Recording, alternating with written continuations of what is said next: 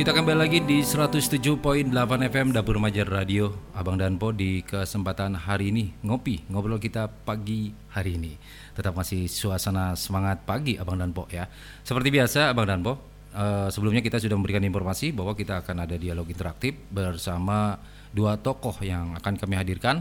Namun kehadirannya uh, ataupun acara dialog interaktif kali ini kita akan menggunakan uh, via telepon karena dua hal tersebut yang mungkin tidak bisa hadir ke studio namun program ini tetap berjalan untuk menemani dan juga memberikan informasi Abang dan Po di kesempatan hari ini. E, materi dialog kita di hari ini terkait dengan masalah BLT BBM agar negara tak resesi. Dan tentunya Bang dan Po, di mana kontroversi penyesuaian harga bahan bakar minyak atau BBM masih saja ada Padahal pemerintah telah menjelaskan pertimbangan dalam memutuskan atau menyesuaikan harga BBM. Sri Mulyani mengatakan, sebelum memutuskan atau menyesuaikan harga BBM pemerintah mempertimbangkan tiga hal. Pertimbangan pertama adalah menjaga daya beli masyarakat dan yang kedua, kapasitas anggaran pendapatan dan belanja negara atau APBN dalam memenuhi harga BBM di tingkat masyarakat dengan harga minyak dunia yang di atas mencapai 100 US dollar per barel. Yang ketiga nih Abang Danpo, momentum pemulihan ekonomi nasional. Seiring dengan penyesuaian harga BBM, pemerintah menyalurkan bantuan langsung tunai atau BLT sebagai bantuan sosial atas pengalihan subsidi bahan bakar minyak atau BBM yang dilakukan pada hari Rabu tanggal 1 di bulan Oktober 2022 di mana BLT BBM diberikan kepada masyarakat yang terdampak penyesuaian harga BBM. Menurut Ketua Pengurus Besar Nadatul Ulama, bidang keagamaan Kiai Haji Ahmad Pahrul Roji, penyesuaian harga BBM dilakukan agar negara tidak jatuh ke dalam resesi dan kebangkrutan. Hal itu terjadi karena kenaikan harga minyak dunia akibat tekanan ekonomi global. Pahrur mencontohkan, Venezuela yang mengalami krisis dan bangkrut sebagai dampak mempertahankan subsidi di luar kemampuannya. Oleh sebab itu, Indonesia tidak mungkin terus membebani dengan bantuan subsidi di luar kemampuan. Penyesuaian harga BBM dinilai pilihan terbaik yang ditempuh pemerintah. Ia menambahkan, kebijakan penyesuaian BBM yang disertai dengan pengalihan subsidi untuk bantuan sosial atau BLT berbagai sektor seperti pendidikan, kesehatan yang kemaslahatannya dapat dirasakan semua orang. Merupakan perintah syariah secara pikih Islam, orang yang boleh dibantu hanya orang-orang yang kurang mampu. Ketika pemerintah mengalihkan subsidi BBM kepada orang tidak mampu demi kemaslahatan, sudah sepatutnya langkah pemerintah untuk didukung penuh. Dan selain itu juga ada Wakil Ketua Umum Majelis Ulama Indonesia, Kiai Haji Marsudi Suhud, mengamini pernyataan Pahrur. Menurut dia, sasaran penyesuaian harga BBM adalah kemaslahatan dan kebaikan bagi rakyat yang membutuhkan. Nah, Marsudi juga memaparkan suatu kewajiban membangun kemaslahatan bangsa ketika presiden sebagai pemimpin yang memprioritaskan masyarakat kurang mampu untuk membangun kemaslahatan bangsa, maka harus diyakini bahwa itu pilihan terbaik dan ia juga menjelaskan, ekonomi Pancasila memiliki inti kemaslahatan dengan demikian, kebijakan pemerintah mengalihkan subsidi merupakan tindakan yang tepat agar nilai guna subsidi tepat sasaran. Penjelasan mengenai penyesuaian harga BBM dan penyaluran BLT BBM kepada masyarakat masih harus dilakukan oleh pemerintah. Penjelasan tersebut bertujuan agar masyarakat memahami keputusan pemerintah dialog dengan mengundang tokoh masyarakat sekaligus tokoh agama menjadi pendekatan terbaik dari sisi spiritual.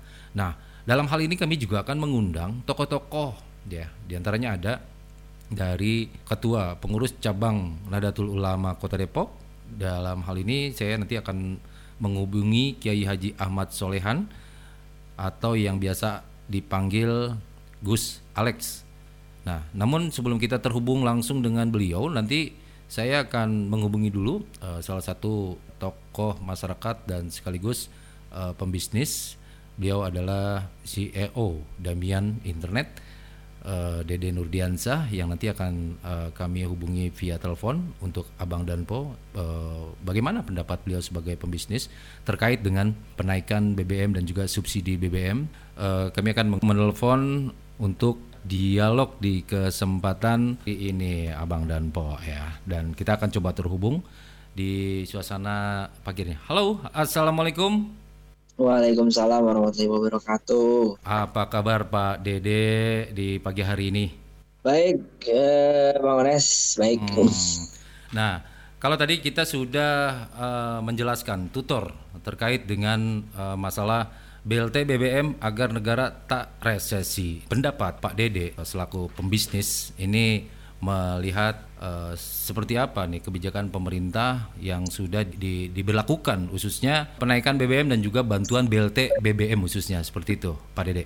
Uh, ya pada akhirnya kan berujung pada pengertian subsidi itu sendiri sebetulnya memang uh, karena kita juga uh, sekian lama eh, apa namanya subsidi BBM ini berlakukan, hmm. ya memang sifatnya lebih konsumtif gitulah. Eh.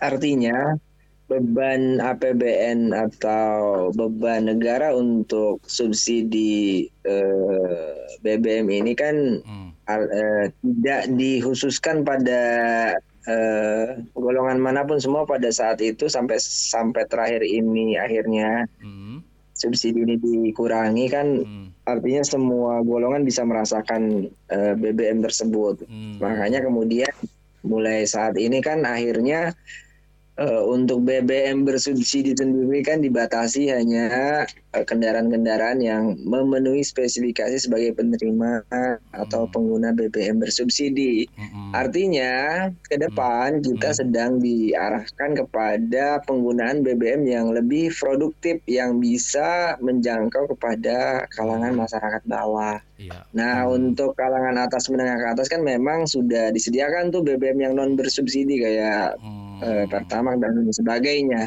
Yeah. Dan saya yakin itu bisa berdampak eh, baik pada keseimbangan eh, roda perekonomian kita gitu. Oh, Oke. Okay.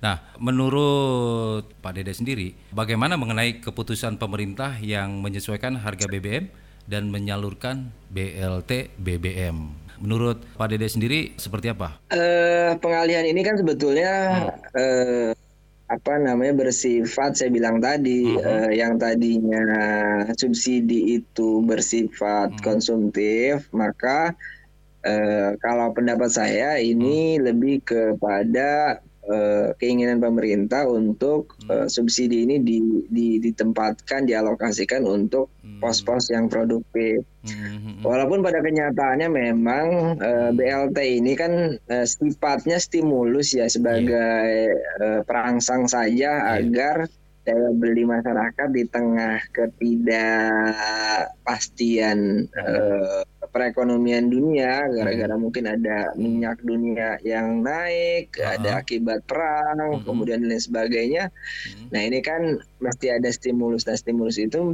uh, saya pikir uh, walaupun nominalnya tidak seberapa ataupun mungkin pergulirannya hanya sekali dua kali, saya yakin itu bisa mempengaruhi daya beli masyarakat. Gitu. Oke, nah barangkali untuk pertanyaan yang kedua nih untuk Pak Dede nih, apakah penyesuaian harga BBM ini baik Uh, saya pikir dalam setiap keputusan pasti ada pro dan kontra tergantung dari mana kita sudut pandang memandangnya gitu ya. Iya. Dan yang pasti eh, setiap keputusan juga pasti uh, pasti juga nggak akan memuaskan semua pihak. Namun saya pikir gini, uh, dibilang uh, mungkin baik atau tidaknya tentu ini akan jadi tolak ukur juga bagaimana bangsa kita bisa bertahan dari resesi gitu kan. Iya. Karena uh, banyak negara-negara di luar sana khususnya di Eropa ya yang hmm. sedang ada perang antara hmm. Rusia dengan Ukraina, uh, Ukraina hmm. ya kan kemudian faktor faktor-faktor lain yang pada akhirnya banyak juga negara-negara di Eropa yang yang yang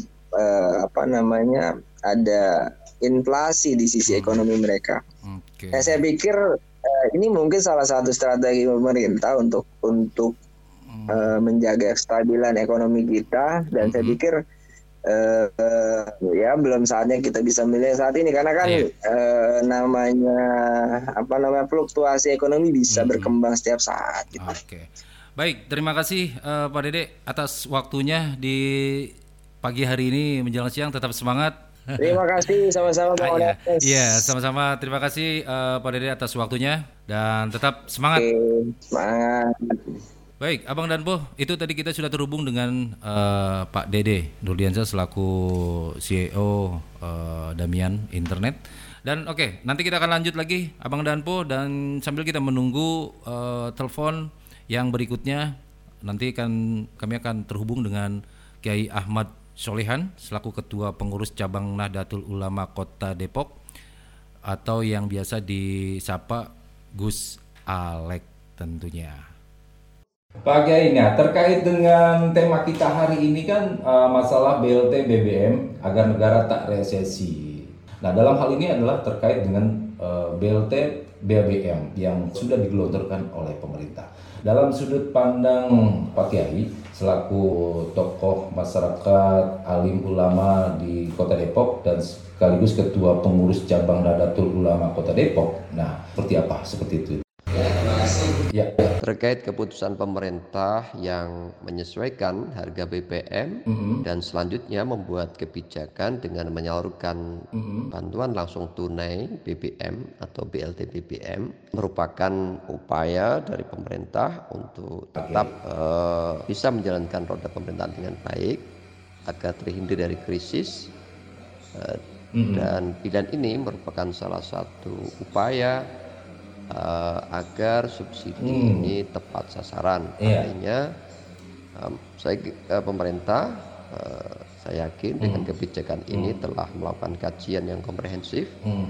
yang iya. melibatkan yeah. dari semua unsur baik di Kementerian Keuangan terutama dan pihak-pihak terkait seperti DPR RI dan semuanya. Hmm sehingga muncul putusan untuk menyesuaikan harga BBM ini hmm. dan dengan penyaluran atau pelaksanaan BLT hmm. BBM berarti hmm. mengalihkan dari uh, subsidi yang demikian besar terhadap BBM yeah. ke para mereka yang betul ada saja itu ya membutuhkan artinya yang terdampak BBM yang berat hmm. sekali dengan bantuan langsung tunai hmm. ini saya kira uh, ini satu istihad ya uh, pemerintah agar negeri hmm, ini juga okay. uh, eh, bisa stabil dan terancam dari kegagalan atau kena krisis saya kira ya. Untuk apakah okay. uh, Gus, yang berikutnya uh, apakah dengan adanya penyesuaian harga BBM ini uh, sudah baik? Yang dilakukan oleh pemerintah? Uh, kita bisa lihat dari sudut pandang pemerintah setelah yeah. membuat keputusan kita harus menyikapinya dengan bijak. Artinya uh, jangan sampai justru uh, kita akan mem me melakukan pilihan-pilihan uh, respon yang justru akan membuat uh, masyarakat tidak kondusif. Maksud saya begini, kalau ditanya apakah hmm. baik apa enggak, saya kira kalau dilihat dari kacamata kepentingan yeah. ekonomi dan hmm. stabilitas pemerintahan hmm. harus berjalan dengan baik di mana iya. harga yeah. BBM yang sudah melonjak tinggi dan uh. kapasitas ya, dukung uh, subsidi kita yang sangat berat hmm. untuk tetap terlangsungnya uh, penyesuaian itu ya saya kira ya bahkan baik untuk dilakukan okay. sebab kalau enggak akan terjadi kemunduran yang lebih besar. Nah, saya kira hmm. gitu ya. Hmm. Jadi dengan pemerintah melakukan kebijakan ini hmm. berarti iya. pemerintah yeah. berupaya dengan serius untuk tetap berlangsungnya hmm. pemerintahan ini hmm. agar terhindar dari potensi-potensi yang lebih buruk. Demikian. Oke, okay. baik. Uh, nah, kalau untuk dari sisi agama nih Gus, ini kan kalau kita bicara uh, bantuan-bantuan sosial, sosial dan akhirnya juga akan menyentuh ke masalah keagama artinya antara mudorot dan tidak mudorot kan gitu. Nah, penyesuaian harga BBM dan pemberian BLT BBM ini eh, bagaimana dalam konteks eh, sisi agamanya gitu? Pandangan kami penyesuaian harga BBM dan pemberian hmm. BLT BBM ini ya saya kira selaras hmm. dengan apa yang kita uh, yakini bahwa memang negara wajib hmm. untuk mensubsidi rakyatnya hmm. yang kurang. Itu sudah merupakan hmm keharusan di kalau kita hmm. ini sebagai umat masyarakat di mana negara dan pemerintah memiliki kewajiban untuk memegang mandat amanat itu hmm. dalam upaya mensejahterakan rakyat.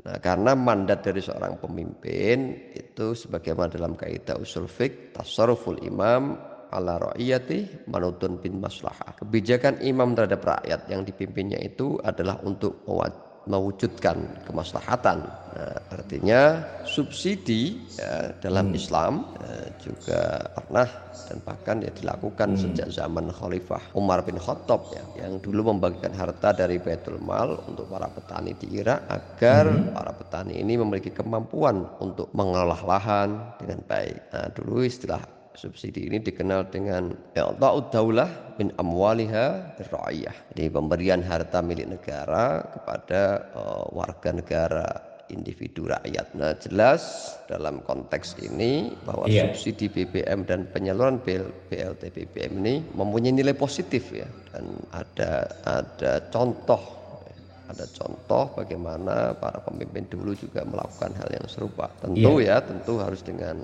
persyaratan-persyaratan, mekanisme-mekanisme yang dilakukan. Mm. Sehingga subsidi itu betul-betul tepat sasaran pada mereka yang membutuhkan, bukan yeah. pada mereka yang sebetulnya tidak perlu atau bahkan malah seharusnya mensubsidi kepada uh, sesamanya mm. yang memang membutuhkan. Jadi ini saya kira PR yang paling berat bagi pemerintah, hmm. gimana agar mampu dan memiliki instrumen okay. eh, yang memastikan hmm. bahwa mereka yang terdampak karena penyesuaian hmm. harga BBM ini betul-betul mampu mendapatkan Beri, haknya uh, untuk subsidi. Ya?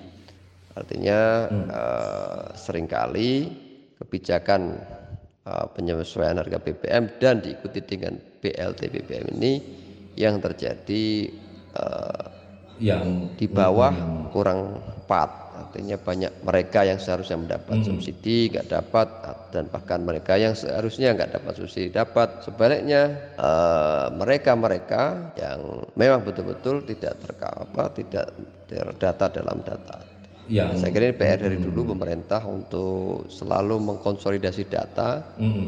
uh, bagaimana antar kementerian sering kali juga beda data dan sebagainya. Ini saya kira itu yang paling pokok ya.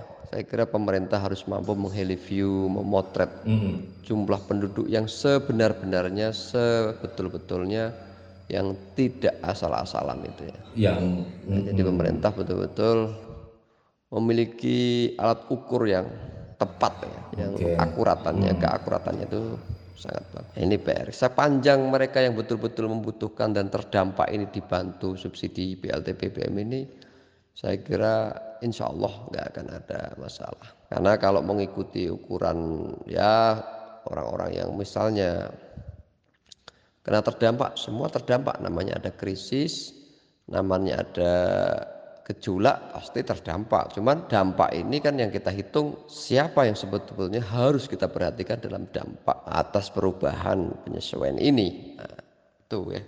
Saya kira itu yang patut kita garis bawahi.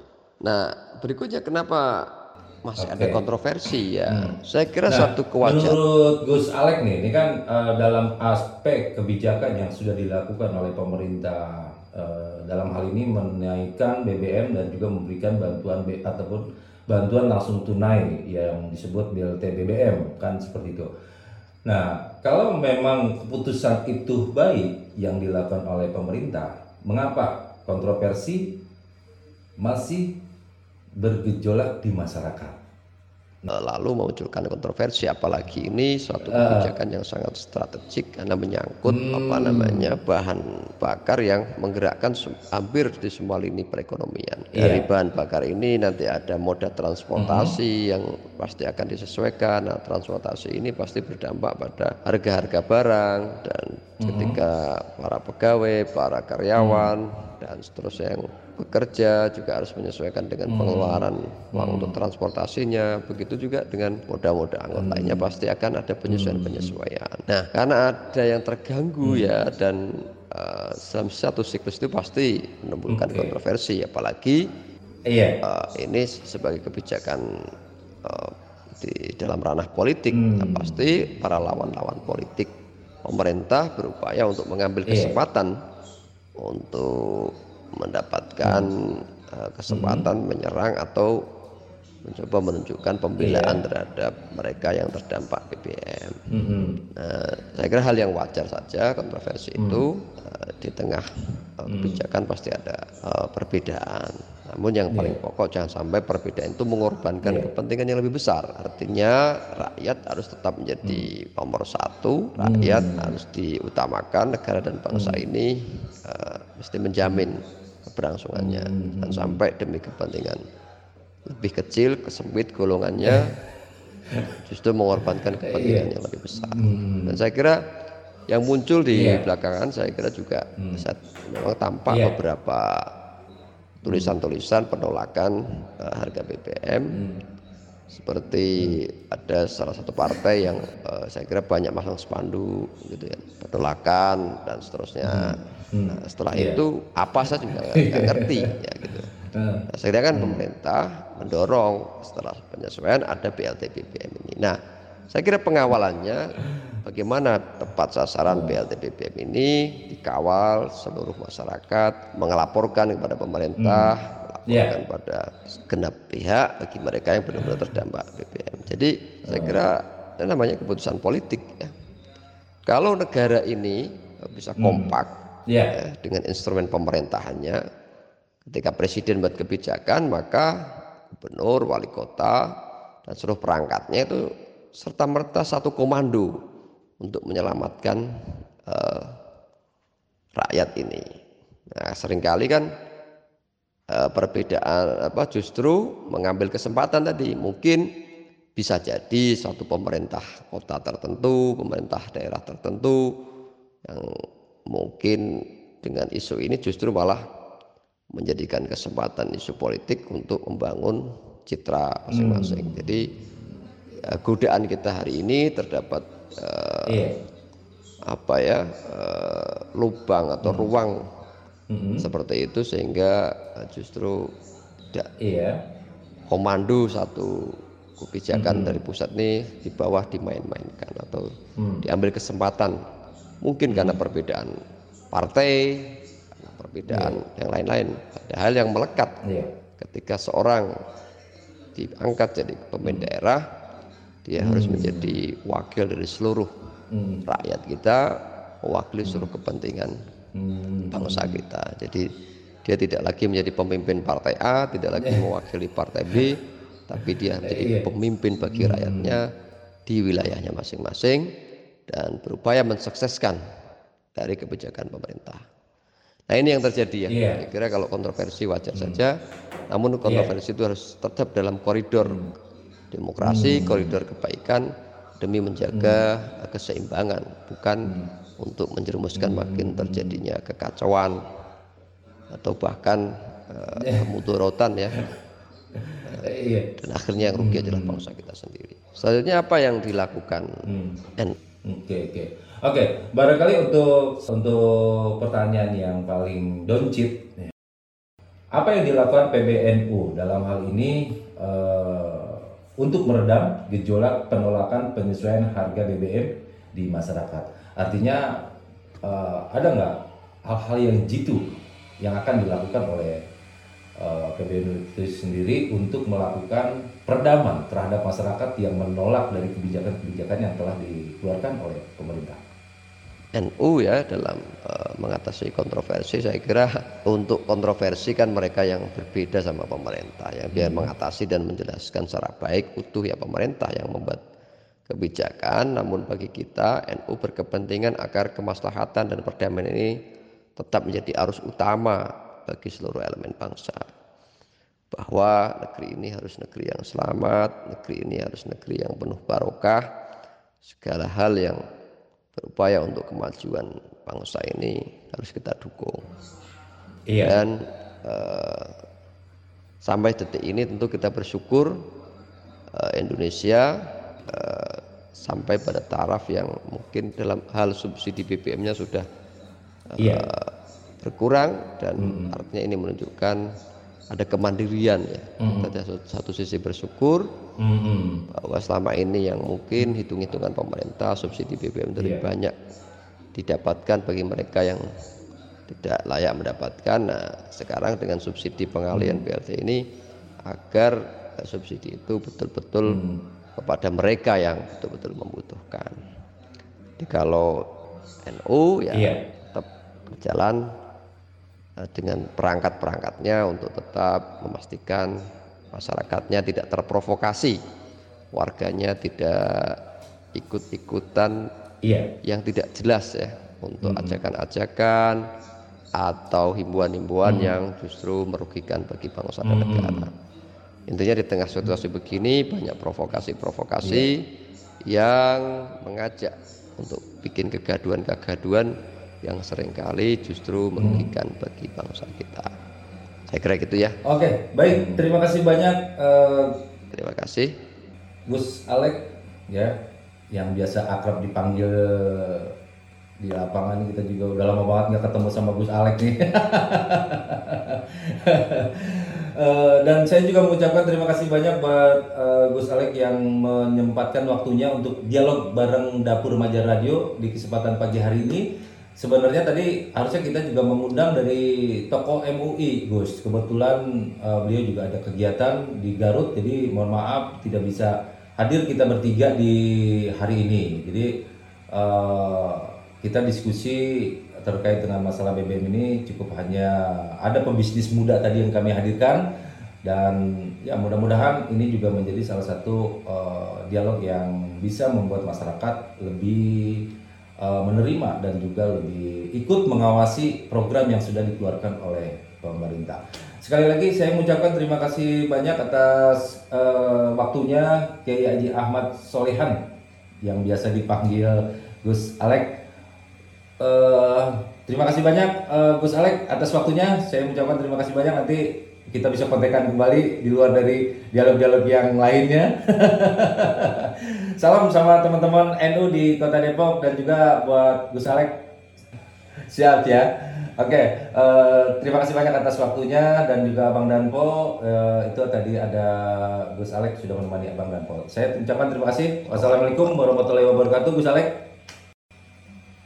Nah, Abang Danpo semuanya, uh, tadi kita sudah bincang ngobrol bareng dengan uh, Ahmad Solehan selaku Ketua Pengurus Cabang Nahdlatul Ulama Kota Depok dan terkait dengan masalah kemaslahatan kemaslahatan dan juga kebijakan-kebijakan pemerintah. Nah ternyata memang Abang dan Po, eh, kebijakan pemerintah itu sudah sangatlah tepat sehingga kita selaku masyarakat apalagi penerima eh, BLT itu sendiri juga wajib mengawasi kebijakan-kebijakan yang sudah diturunkan oleh masyarakat eh, oleh pemerintah tentunya. Dan di kesempatan siang hari ini kita sudah bergeser di 3 menit dari pukul 11 eh, siang Abang tepat sekali di acara ngopi pun berakhir untuk uh, hari ini saya yang bertugas Adiones, operator siar, terus juga ada produser, ada kameramen.